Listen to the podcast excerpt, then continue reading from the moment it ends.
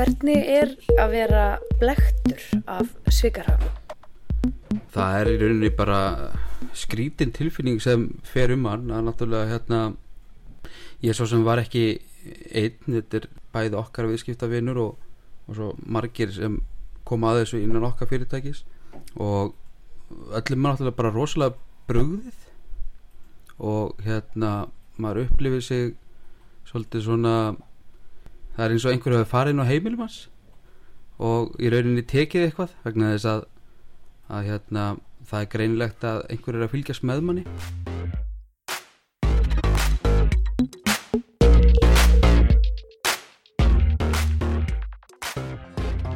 Það var ekki laustið að stjórnendum Arctic Trucks hafi brugðið þegar þeir uppgötuðu að svikarrappar höfðu stólið næri 40 miljónum króna af erlendum viðskiptavinni fyrirtækisins.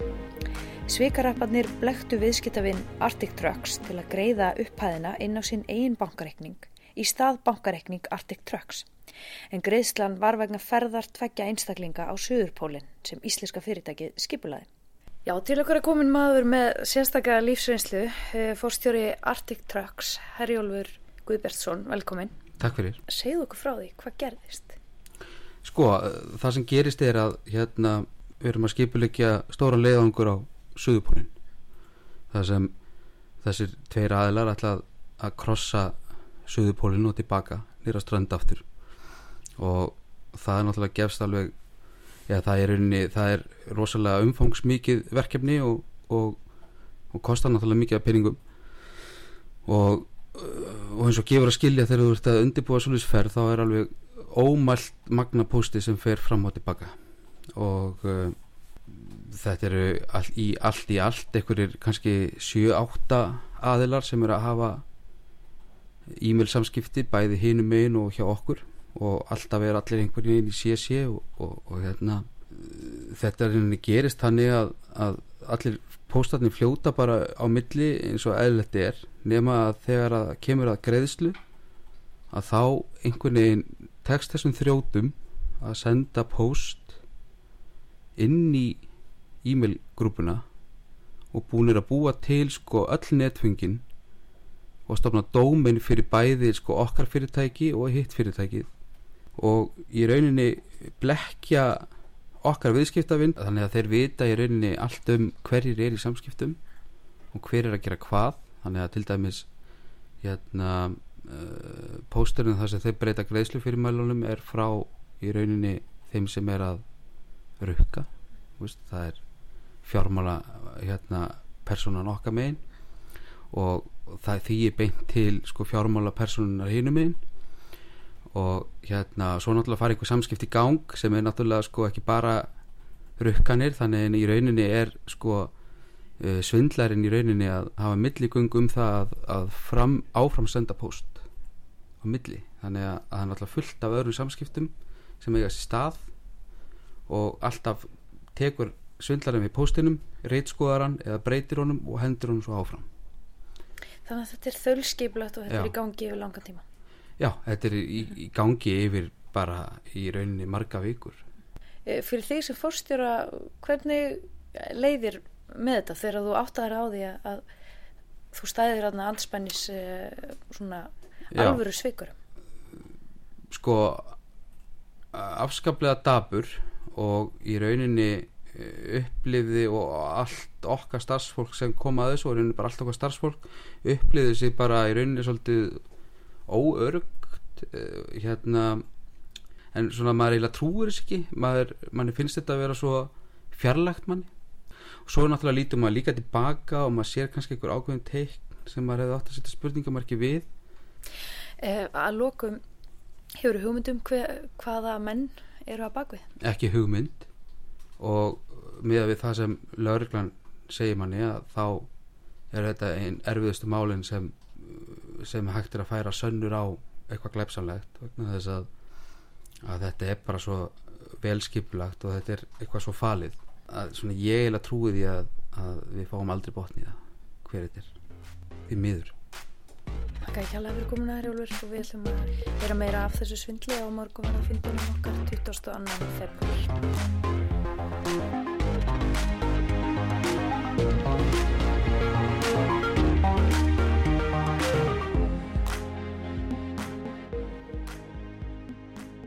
Já, hjá okkur er Daði Gunnarsson sem að kemur upprunulega úr talvuransóknadeild lauruglunar og er komin inn í nýtt heimi hjá lauruglunni sem að núna gengur undir vinnuheitinu svona netbrótadeild.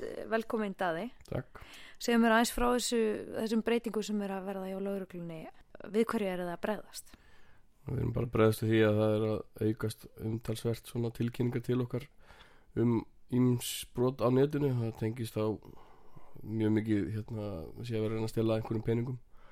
Það náttúrulega kemur kjölfarið á því að, að hérna að það er ekki lengur fjármagnshöft á Íslandi þannig að þá um leið fór, fór þetta auka stjóluvert og við hefum bara þurft að breyðast við því Og er almenningur að lenda í þessu eru það fyrirtæki eða hverjir eru það sem að kannski liggja best við höggi?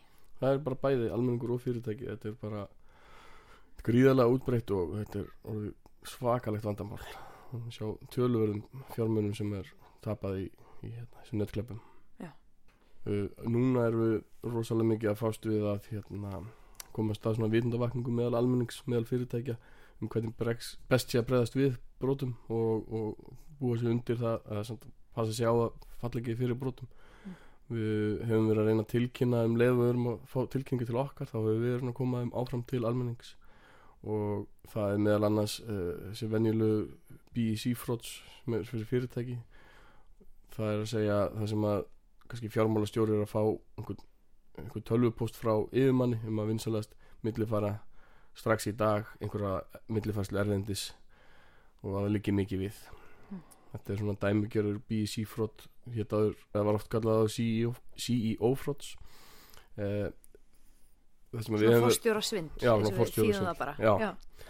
Eh, það sem að við höfum verið að gera í því þeim leðum við fáum tilkynningar þá höfum við verið að senda til fjármálastofnununa til þess að loka það á greiðslunar og, og hérna, það hefur gengið, það hefur, segja, það hefur, hefur stoppað greiðslur út, út af þessu, þessari samvinnu.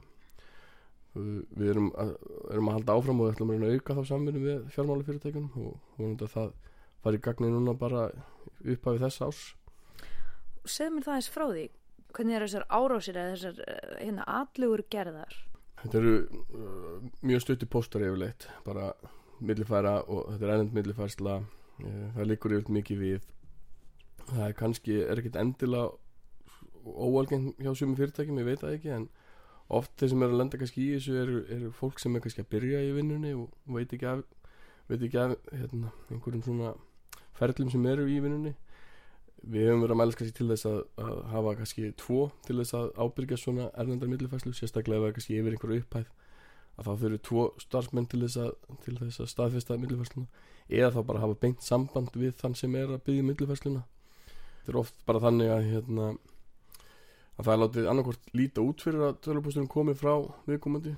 Það er ofta að skoða tölvupóstun sjálfan og sjá þá hausin eða hetturinn á póstunum og sjá hvað hann er að koma. Hann getur verið að koma annars það frá heldurum frá yfirmannum þó hann kannski sé látið líta út fyrir að koma frá honum. Það er bara svona einföld blekking en við höfum líka verið að sjá það sem hefur verið að kannski að brjótast inn í postkerfin sjálf. Og svo Office 365 eða, jafnvel bara inn á einhverja servera.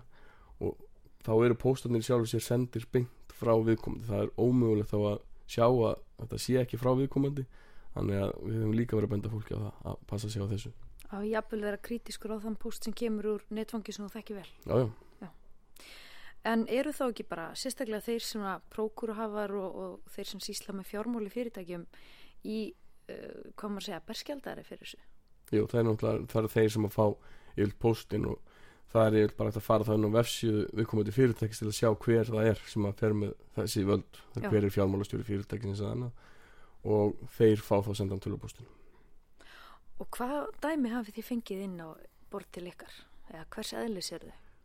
það er bara mjög mörg dæmi frá fyrirtækjum sko hvaðan efa úr hérna hvað að gera sem er sem er að fá þess að posta það hefur verið millifært erlendis og hefur verið eitthvað tap en hérna svona meðan við kannski hvað mikið af þessum, þessum beinum er að koma þá kannski er ekki þá er ekki alltaf verið að falla fyrir við höfum séð verið að herja á alls konar við, þá er alveg verið að herja á íþróttafélag það kom í fjölmjölum mm. og var bara sérstaklega herjað á íþróttafjölu og byggða þá um ellenda millifærslur og hérna það var alveg við fengum alveg umtalsvært mikið að postum frá mörgum félögum tengdum því En uh, þeir sem að falla fyrir þessu, finnst þeim það ekkit vandræðalegt eða skammast þeir sín? Já, þetta er náttúrulega, þetta er, það er svolítið vandamála, þetta er, þetta er svona, fólki líður mjög illa yfir þessu, fyrirtæki vilja ekki, kannski endilega tilkynna þetta og ef þau tilkynna þetta þá vilja alls ekki að spyrjast út, þannig að þess vegna erum við svona, fyrir mjög varlega að segja frá einhverju tilteknu nema bara það sem eins og segi, tala um þessi íþróttafélag því að það kom í fjölmjölum, uh, en annars erum við ekkert að tjá okkur um einstakamál, það sem að hins vegar er, er að það eru öll fyrirtækilendi í þessu, það er bara svolítið, þetta er bara um leið og komið með fyrirtæki sem er með eitthvað fjármálastjóri eitthvað þá er nánast örugt að það mun berast postur Er það bara tölvupóstar, eru símtöl eða eru aðrar aðferðir notaðar? það er yfirleitt bara tölvupóstur í þessum svikum því að þú þekkir jafnvel yfirmannin, þú þekkir röddinn og hann þannig að það verður ekki verið að notast við það. Ef það eru símtöl þá er það yfirleitt öðruvísi þá er það tengt meira svona við veiðum þá er kannski eitthvað stort fyrirtæki að ringi í þig yfirleitt á eitthvað erlend stort fyrirtæki, Microsoft, Facebook eitthvað slíkt sem myndi hafa samband og segja að hérna, leikilorðið sé útrunnið eða það jafnvel grunur um einhver hafa hakkað sín á reikingin þú þurfur að endur þessa leikilorðið þannig að hvert er notunafnið og leikilorð svo gefur það upp.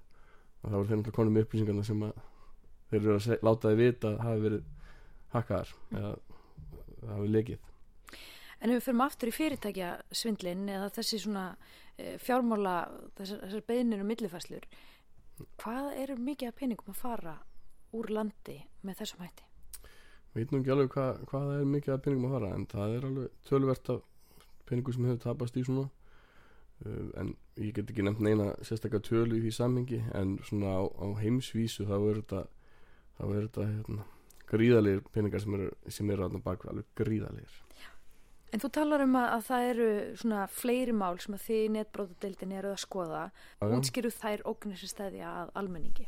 Já, það er sem sagt þá þessi phishing og vissing það er að segja að það er sama, sama má segja sama hugtak annars er það þá phishing sem er þá tölvupóstur og svo vissing sem eru símtölin uh, þá sem þetta með tölvupóstunum þá er þetta alltaf þannig að það eru svona þessi venjulega regla er svo að það er það sendur tölvupóstur frá einhverju stórfyrirtæki uh, það er eitthvað orðalægin samt í póstinum.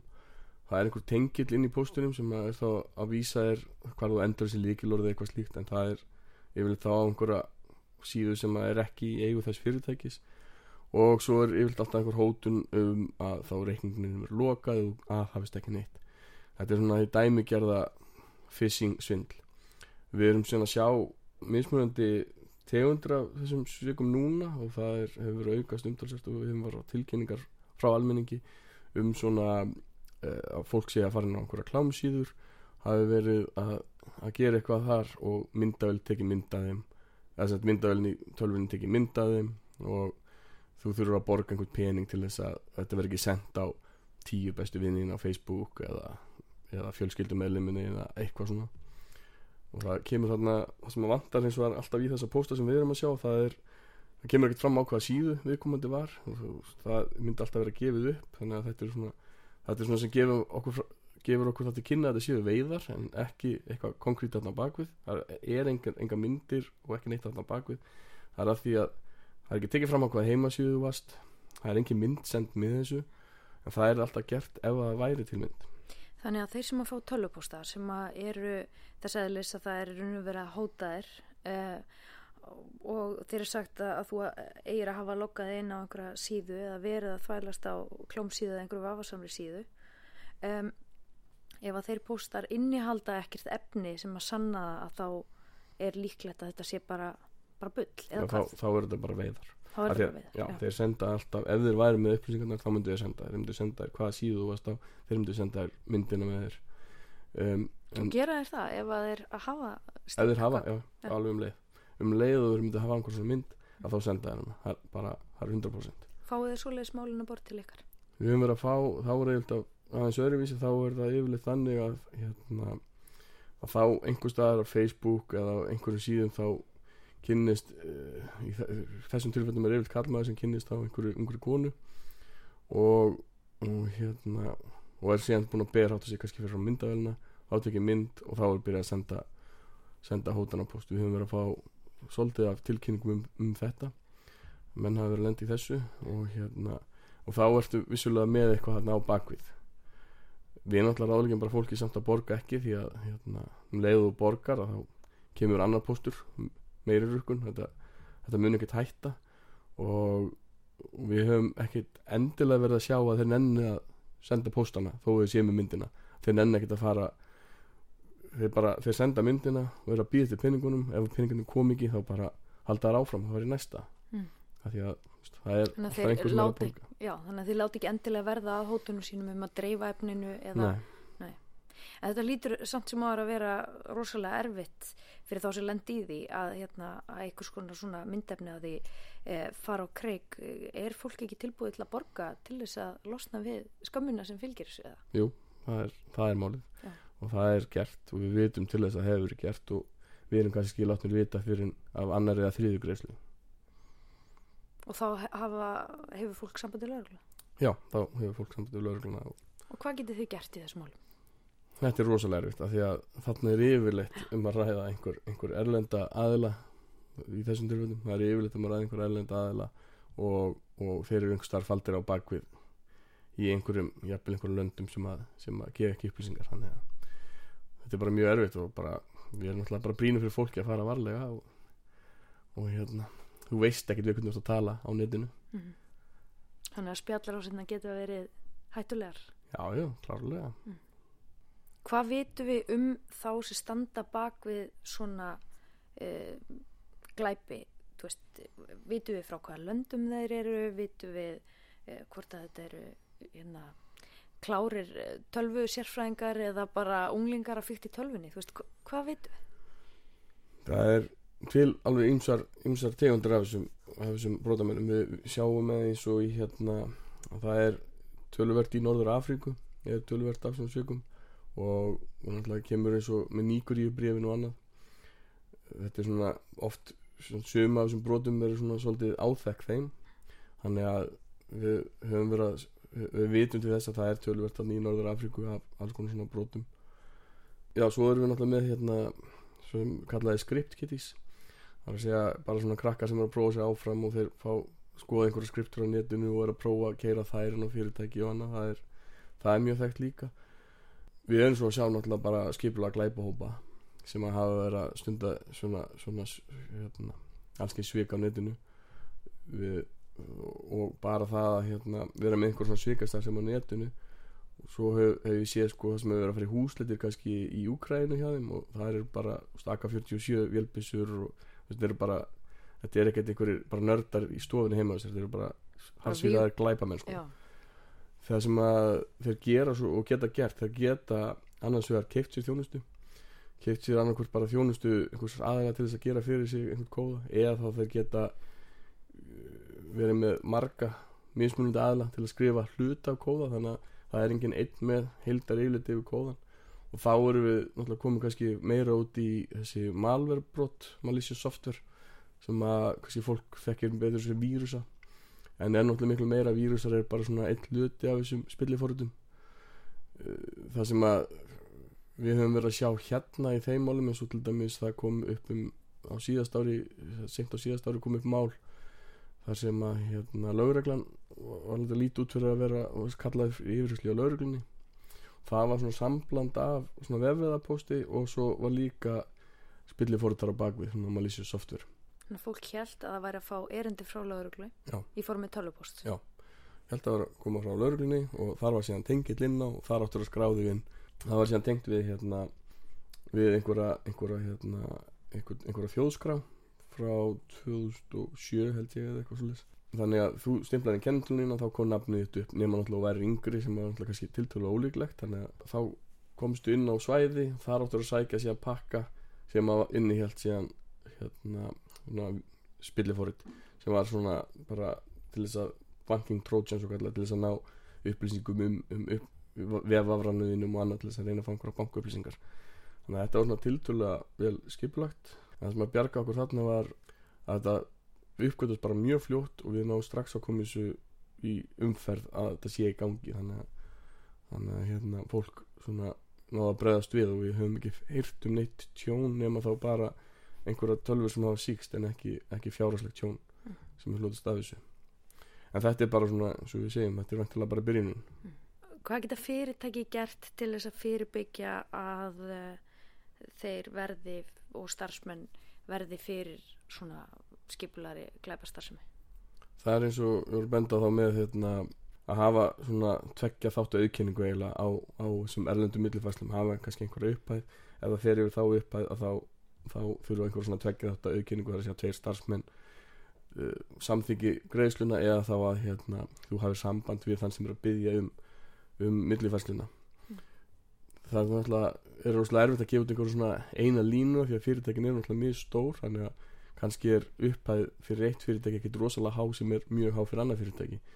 En þetta er eitthvað sem við bara við heyrim í fyrirtækjum að reyna að benda þeim á að koma sér upp einhvern slíkum reglum En almenningur sem að uh, telur svona ekkert hafa eitthvað rosalega mikið að fela og er bara á ekkert óbúslega hérna, ljót lindarmál eða, eða neitt slíkt er hættulegt þegar að einhverju svona aðilar komast yfir líkilörðin á Gmail eða líkilörðin í Spotify eða svona þetta sem að fólk notar dagstæðlega Já, það er náttúrulega því að það er mjög algengt að fólk er að nota sömu líkilorðin hinga á þanga þannig að það er svona við höfum líka verið að benda fólki á að vera að fá sér einhvern svona banka fyrir líkilorð og vera það með eitthvað eitt svona bara aða líkilorð og hafa það kannski svolítið flókið eh, en samt að vita hvað það er.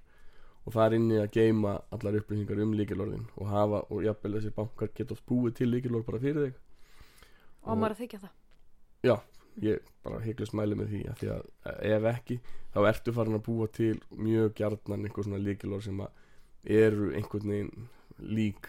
Þannig að það eru sko LastPass, OnePassword til dæmis það eru mjög stórir. Svo getur þú verið með einn eigin banka getur, sem þú getur bara keimt í tölunni hjá, hjá sjálfum þér KeyPass já, það er bara mjög samt hvað fólk vil nota sko. þetta er svona allavega sem við getum bent á svona uh, fa- fara að skoða hvað er til, hvað er í bóði, hvað hentar best. Að lokum hvers megnu er netbrótadeild lögreglunar anspænis alþjóðlegum stórum glæparingjum í netsvindlum. Þetta er náttúrulega mjög erfitt að, að gera eitthvað við þessi brot. Það er að segja að það er ofta erfitt að rekja þau annað en, en við erum að gera eitthvað best við erum í erlendir, sam, erlendir samvinnu og það er alltaf að einhver mál sem er að leysast. Þannig að þannig að hérna, ég held að það muni bara koma til með aukast. Við erum náttúrulega svolítið að byrja núna og hérna, vonandi bara núna í byrjun þess árs og á þessu ári þá mun, mun tölvert fjölga hjá okkur og við munum verða öflugri. Það er margt að varast spennandi að fylgjast með nýri deilt hjá lögreglunni. Og bara þakka að kella fyrir þessi ráð. Staði. Takk